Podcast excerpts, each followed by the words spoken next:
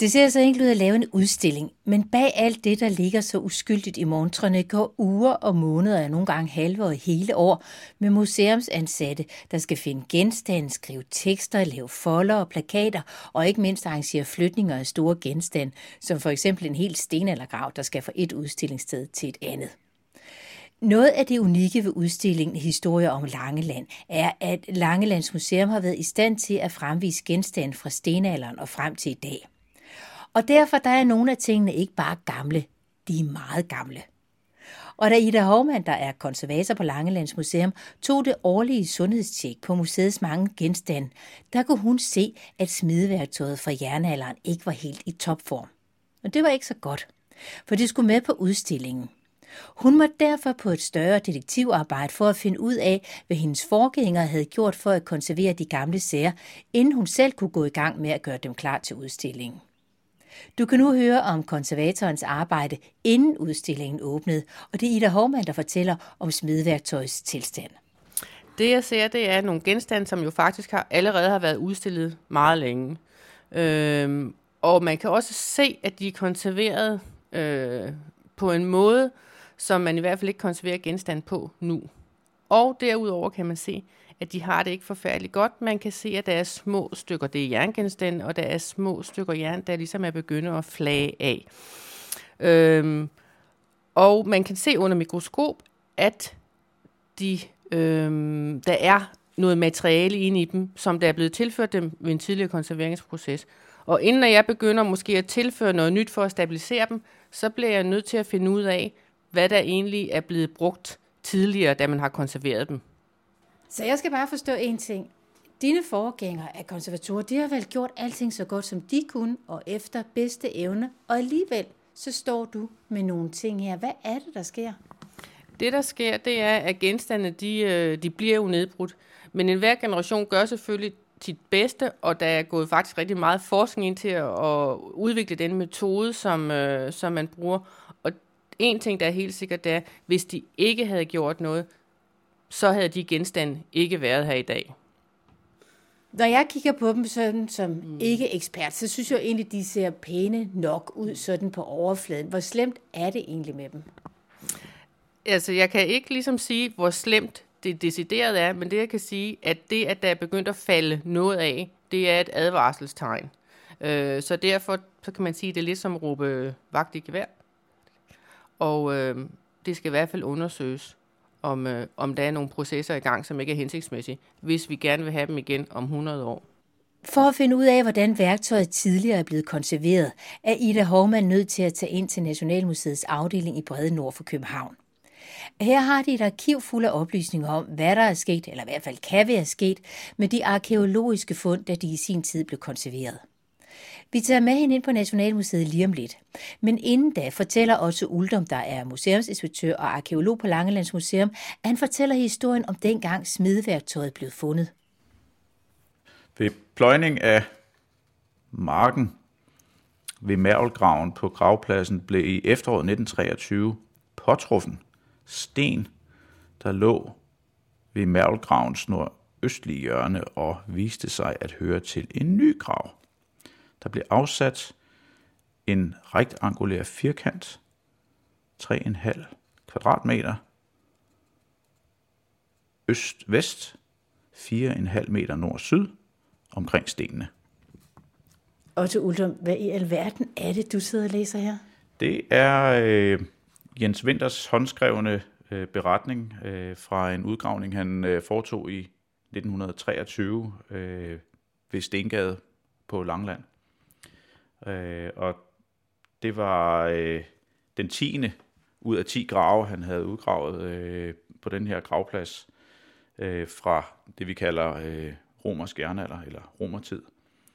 Øh, og på det tidspunkt, der var gravskikken, at det var skeletgrav, altså øh, ubrændte grave, hvor man øh, gravsatte den afdøde, øh, meget tit i, i en markeret grav med, med sten omkring, og der kan også være øh, sten over. Øh, og så fik den døde øh, temmelig mange gravgaver med øh, på sit liv efter døden, som man jo må formode, at de at de troede på, og det har man jo selvfølgelig gjort i langt de fleste religioner, at, at jordlivet er ikke øh, det sidste, vi har. Og det er helt sikkert, at det troede de at øh, i, i jernalderen, at øh, der, var, der var meget mere bagefter, når man øh, havde forladt sit jordiske hylster. Så alle de grave, som Vinter udgravede i det her sandede jord, hvilket er en, en sjældenhed øh, på Langeland, men altså vi, øh, det er faktisk også derfor, at det i det hele taget blev fundet op ved Stengade. Det er fordi, det er et af de få steder på Langeland, hvor der er en hel masse øh, ja, sand og mærvel. Mærvel er jo lidt, det er jo sådan en kalkholdig øh, jordart, som øh, man bruger til at, og øh, forbedre øh, agerjorden med. Øh, men i hvert fald, det var så ved, øh, ved mærvelgravning, at man har stuffet, truffet på de her øh, gravpladser, for der er faktisk et helt antal gravpladser øh, ved Stengade, øh, og det øh, skal man bare vide, når man, når man nu taler om, om Stengade gravpladsen på, på Langeland, at øh, det er et lidt mere kompliceret billede. Der er faktisk tre gravpladser, og hver af dem indeholder grave fra både jernalder og fra vikingetid. Så tre grave, men det vi skal zoome ind på her og tale om, det er jo så de her smedegenstande, som befandt sig dernede i gravene, en af gravene. Hvad er det for nogle smedegenstande?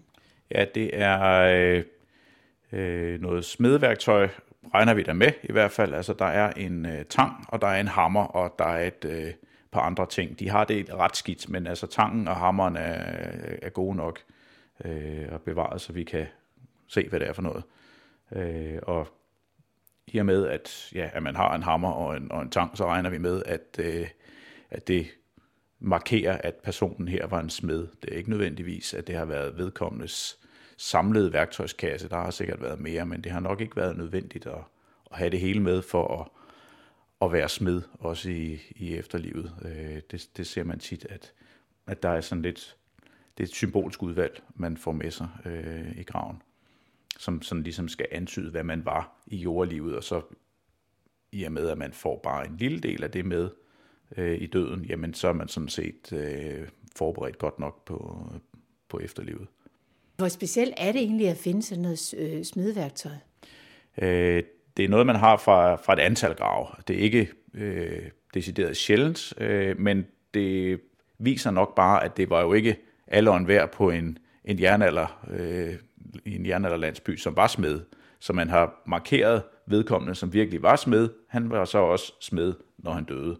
Man kan måske i virkeligheden sige noget om, hvor mange, hvor mange procent af, af en sådan befolkning var smede. Øh, jeg tror, det er en meget god indikation af det. Og så er vi jo glade for at kunne komme så tæt på, øh, på øh, det enkelte menneske i, øh, i forhistorien, at man kan bestemme, hvad, hvad vedkommende havde som erhverv, eller i hvert fald som, som delerhverv, fordi øh, så en, en heltidsbeskæftigelse som, som smed skal man nok ikke regne med på det her tidspunkt, men øh, i hvert fald har, har det været den, der kunne det allerbedst. Øh, så derfor så er der ingen tvivl om, at, øh, at smeden her er kendt som smeden. Det, det er helt sikkert. En af de historier, jeg har hørt hernede, det er jo, at det her smedeværktøj muligvis har tilhørt en kvinde, en kvindelig smed. Hvad siger du til den historie?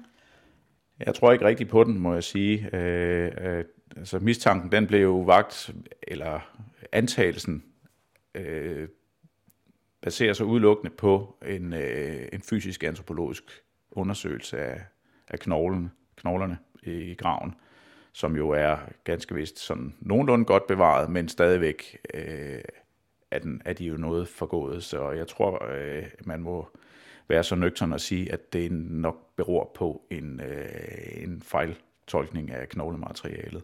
Øh, det er noget, vi ser en gang imellem, at, at man må revidere øh, kønsbestemmelsen, øh, som er foretaget øh, på baggrund af, af knoglematerialet. Og øh, der har også været øh, mistanker om, at der var nogle våbengrave, som, som tilhørte kvinder. Jeg er ikke sikker på, at, at det er rigtigt i, i alle tilfælde om, om overhovedet.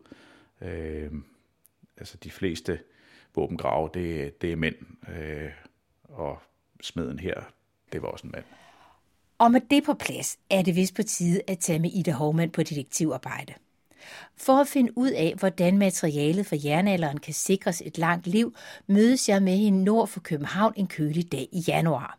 Hun skal nemlig mødes med Nationalmuseets konservator Eva Salomonsen, og Ida Hovmand fortæller, hvad der skal ske.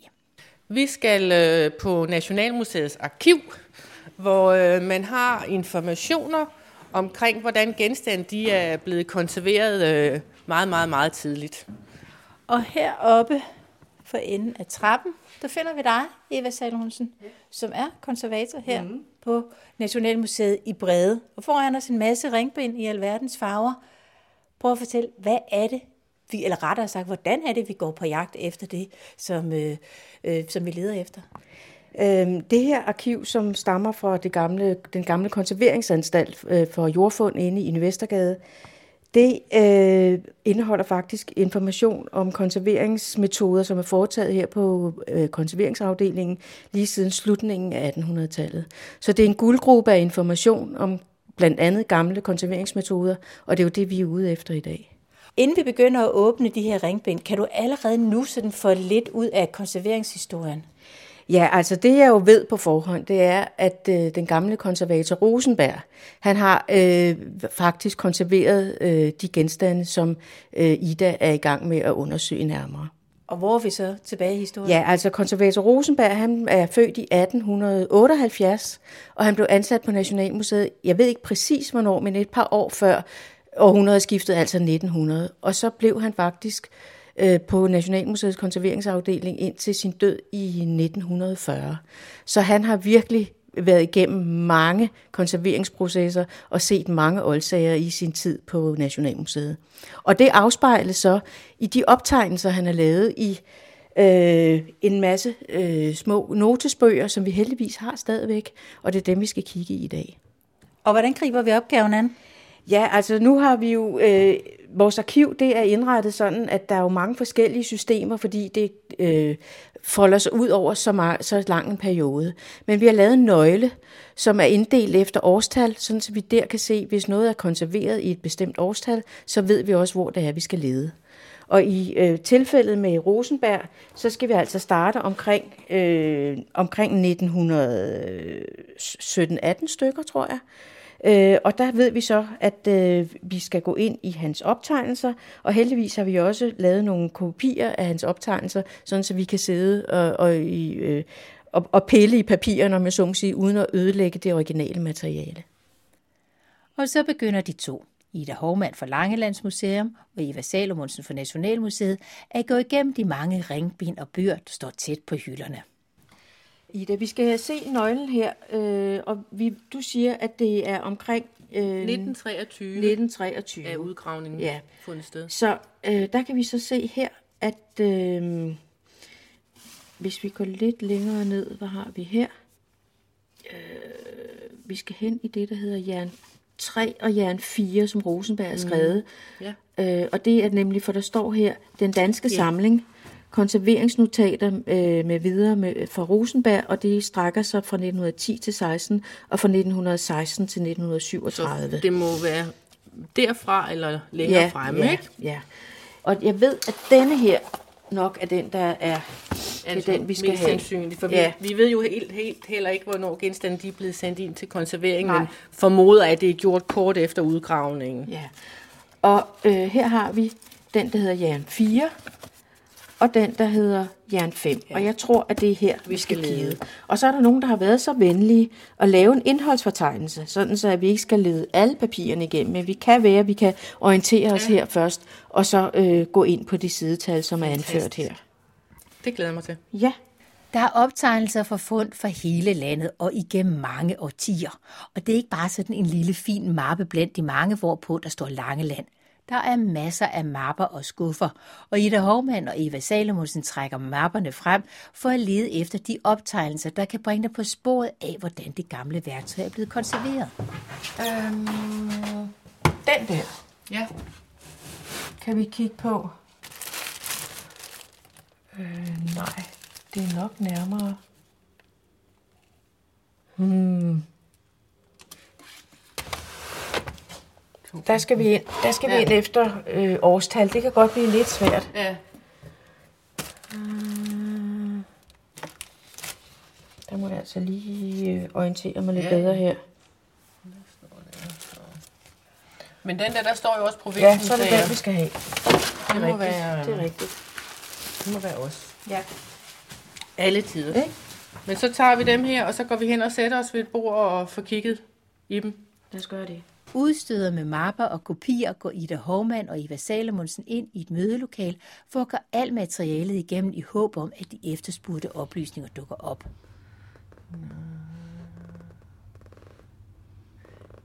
Det er jo smedeværktøj, at vi leder efter. Sager udtaget af samlingen til ny behandling. Ja. Det er en samling, det er her, ikke? Så, Jo. ja. Det er det. Og det er jo netop det, som kendetegner de her. Mm. Øh, det er, at øh, Rosenberg fandt hurtigt ud af, da han blev ansat på Nationalmuseet, at mange af de øh, jernholdssager, som var blevet konserveret, inden han kom til, ja. om jeg så må sige, øh, de var ustabile. Ja. Og derfor så øh, gjorde han meget ud af at øh, tage de genstande ud, som var ustabile, og så øh, konservere dem igen. Ja. Og det går igennem, he, igennem hele hans karriere. Ja. Ja. tager han alle de der ustabile frem, og så eksperimenterer han og opfinder så en ny øh, konserveringsmetode, som vi kalder Rosenbergs glødemetode. Ja. Og faktisk er den måde, vi behandler jerngenstande på i dag, en udløber Af den. af den metode. Og de genstande, som Rosenberg han lavede, der, der, de er alle sammen røde, har jeg bemærket. Ja. Jeg, når jeg har gået rundt på museet og kigget, så kan jeg se alle de, de tidligt konserverede genstande. De har sådan en, en rød farve. Ja.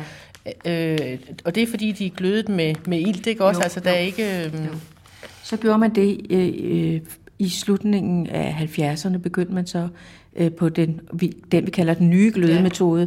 hvor man så øh, har øh, brændt, fører brændt gennem øh, kam, glødekammeret, sådan så at øh, korrosionsprodukterne ikke oxiderer, men dermed, øh, men, men, men, øh, øh, og dermed bliver de så sorte. Ja.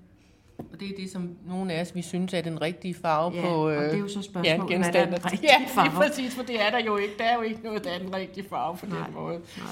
Så øh, Men det, der er fordelen ved den metode, det er jo, at øh, de genstande, som de allerfleste genstande, som man behandler på den måde, også så fortsat er stabile, Ja. ja. fordi man faktisk får mange af de øh, skadelige salte øh, glødet væk, og man får et, øh, en genstand frem, som man så også kan rense ned til den overflade, Ja. ja. den havde engang, så den ligner det, den var Ja. engang. Og når vi så kigger jo på dem her, som, som vi er på jagt efter, de, de ser jo lidt ud som om, at man måske har, ikke har fået helt renset dem ned. Ja. Øhm, som at der kunne man godt, øh, der kunne godt gøres lidt mere. Ja. Men man kan jo også godt forestille sig, at de har blevet, blevet sendt herind, og så har man øh, simpelthen øh, givet dem en bevarende glødning, om man så må sige. Øh, og så er de så ikke blevet øh, afrenset til, til udstillingsbrug. Øh, man har simpelthen stabiliseret dem. Fuldkommen faktisk, som man jo gør i dag. Ja. Egentlig, ikke? Jo. Jeg kan ikke, så når vi kigger på listen her, så synes jeg, at der er ikke nogen her, der lige... Øh, Der lige springer i nej, øjnene. det er der ikke, fordi der står ikke Langland nogen steder. Bibula, Jernsager, Horsens, Grønland, Stavreby, Østrup, Brandplet, Ølsted, Roskilde. Nej, jeg tror altså ikke, øh, Nej. jeg tror ikke, det er her. Nej, det ser, Nej, det ser ikke, Nej. øh, vi er, det er ikke i den her mappe. Vi må kigge, prøve at tror jeg, kigge i den anden mappe og se, om øh, vi skulle have heldet med os der.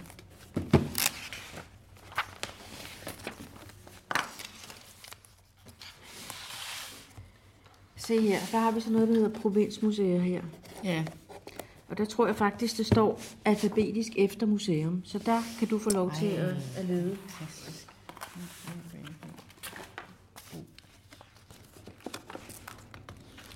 Rudkøbing.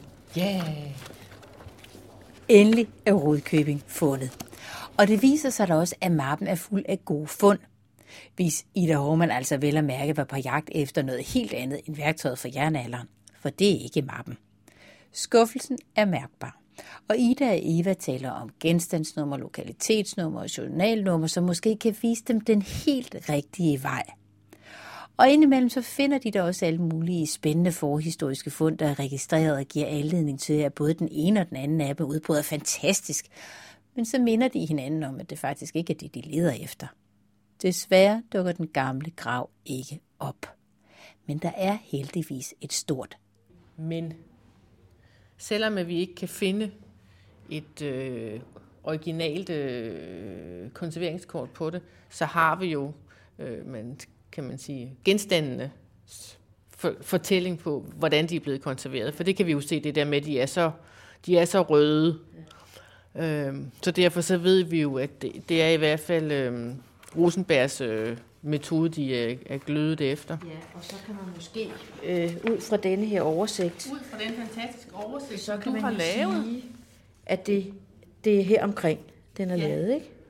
Og det vil sige, at, det, at tingene er blevet pakket ind med asbest og med jerntråd. Ja. Så er det blevet tørret, så er det blevet opvar- opvarmet til rødglødende øh, på komfur. Nej, det kan de da ikke mene. det kan de da ikke mene, men det er det åbenbart. Og så øh, er de så blevet smidt ned i et bad med kogende kaliumkarbonat i cirka 7 timer. Og så er de vandet ud bagefter af flere omgange, hvor man har taget rent vand, og så øh, lagt tingene ned for at få de skadelige stoffer væk. Og så er de sikkert blevet tørret, og så har de fået en paraffinimprægnering. Og det her dokument, det er jo et fantastisk dokument, øh, som jeg har forstået det, så er det, at du har lavet i forbindelse med din afgangsopgave, ja. det er korrekt? Ja. Og det er jo simpelthen en, øh, en redningsplanke, når man så ikke kan finde noget i, de, øh, i kartotekskortene. Fordi det er jo simpelthen en fortegnelse over øh, metoderne, og hvordan er metoderne de er blevet ændret sådan en lille smule. Øh, faktisk fra de, øh, 1913, hvor Rosenberg han er påbegyndt den, og så til 1973, hvor du har lavet den her øh, optegnelse. Så, så det er jo fantastisk. Så selvom der ikke var et øh, kartotekskort med, øh, med Rosenbergs øh, skrift på, så har vi jo det her fantastiske øh, schema, som du har lavet. Så der er vej til oplysningerne om de konserveringsprocesser, smedværktøjet har været igennem. Ikke den mest direkte vej, som man havde håbet, men via Eva Salomonsens optegnelser om Rosenbergs konserveringsmetoder kommer Ida Hovmand alligevel tæt på et brugbart svar. Et par uger efter besøget i Brede sidder Ida Hovmand igen på sit kontor i Østergade i Rødkøbing. Og hun fortæller, hvad besøget i København faktisk endte med. Det jeg fandt ud af, det var, at øh, man har brugt faktisk brugt mange forskellige øh, metoder til at konservere jerngenstande i, øh, i den periode, siden at genstandene de blev udgravet. Øh, og det var rigtig, rigtig, rigtig fint, at jeg fik et overblik over, hvornår man har gjort hvad. Øh, så derfor så ved jeg nu, hvilke materialer, der øh, er blevet tilført i forskellige perioder. Desværre så fandt vi jo ikke øh, konserverings... Øh, dokumentation for, hvad der lige var blevet gjort ved de her genstande. Men jeg var jo så heldig at møde en kollega, der simpelthen lavede lavet den smukkeste oversigt over de her øh, konserveringsprocesser, man havde brugt. Så derfor, med den viden, og så ved øh, at kigge øh, i mikroskop og undersøge genstandene, så har jeg så en rimelig god idé om, hvad det er, man har gjort nu. Øh, og det er så det, jeg ligesom skal, skal forholde mig til øh, i forhold til genstandenes øh, videre levn. Og hvad er det så, der er de næste trin for dig, inden smedgenstandene de ender i montren igen? Det første, som øh, jeg jo nok skal gøre, det er, at de kan faktisk godt renses lidt mere af, så de bliver lidt pænere. Øh, overfladen på dem er ikke så pænt, og det er jo fordi, man, man nok bare har givet dem det, man kalder en bevarende konservering. Det har ikke været måske, sådan, som sådan til udstillingsbrug. Så de skal renses af, så de øh, bliver lidt pænere. Øhm, og så skal vi sørge for, at de bliver øh, udstillet øh, i et klima, så de ikke bliver udsat for fugt. Så vil de kunne have det godt i en lang periode. Første del af den periode er faktisk lige nu, hvor smedværktøjet fra jernalderen kan ses på udstillingen Historie om Langeland på Langelands Museum i Østergade i Rudkøbing. I indslaget medvirkede Ida Hovmand, der er konservator på Langelands Museum, og Eva Salomonsen, der er konservator på Nationalmuseet. Du kan læse meget mere om udstillingen Historie om Langeland øh, på museets hjemmeside. Det er på langelandsmuseum.com, og du kan også løbende få nyheder via museets side på Facebook. Indslaget her var produceret og tilrettelagt af Dorte Chakravarti.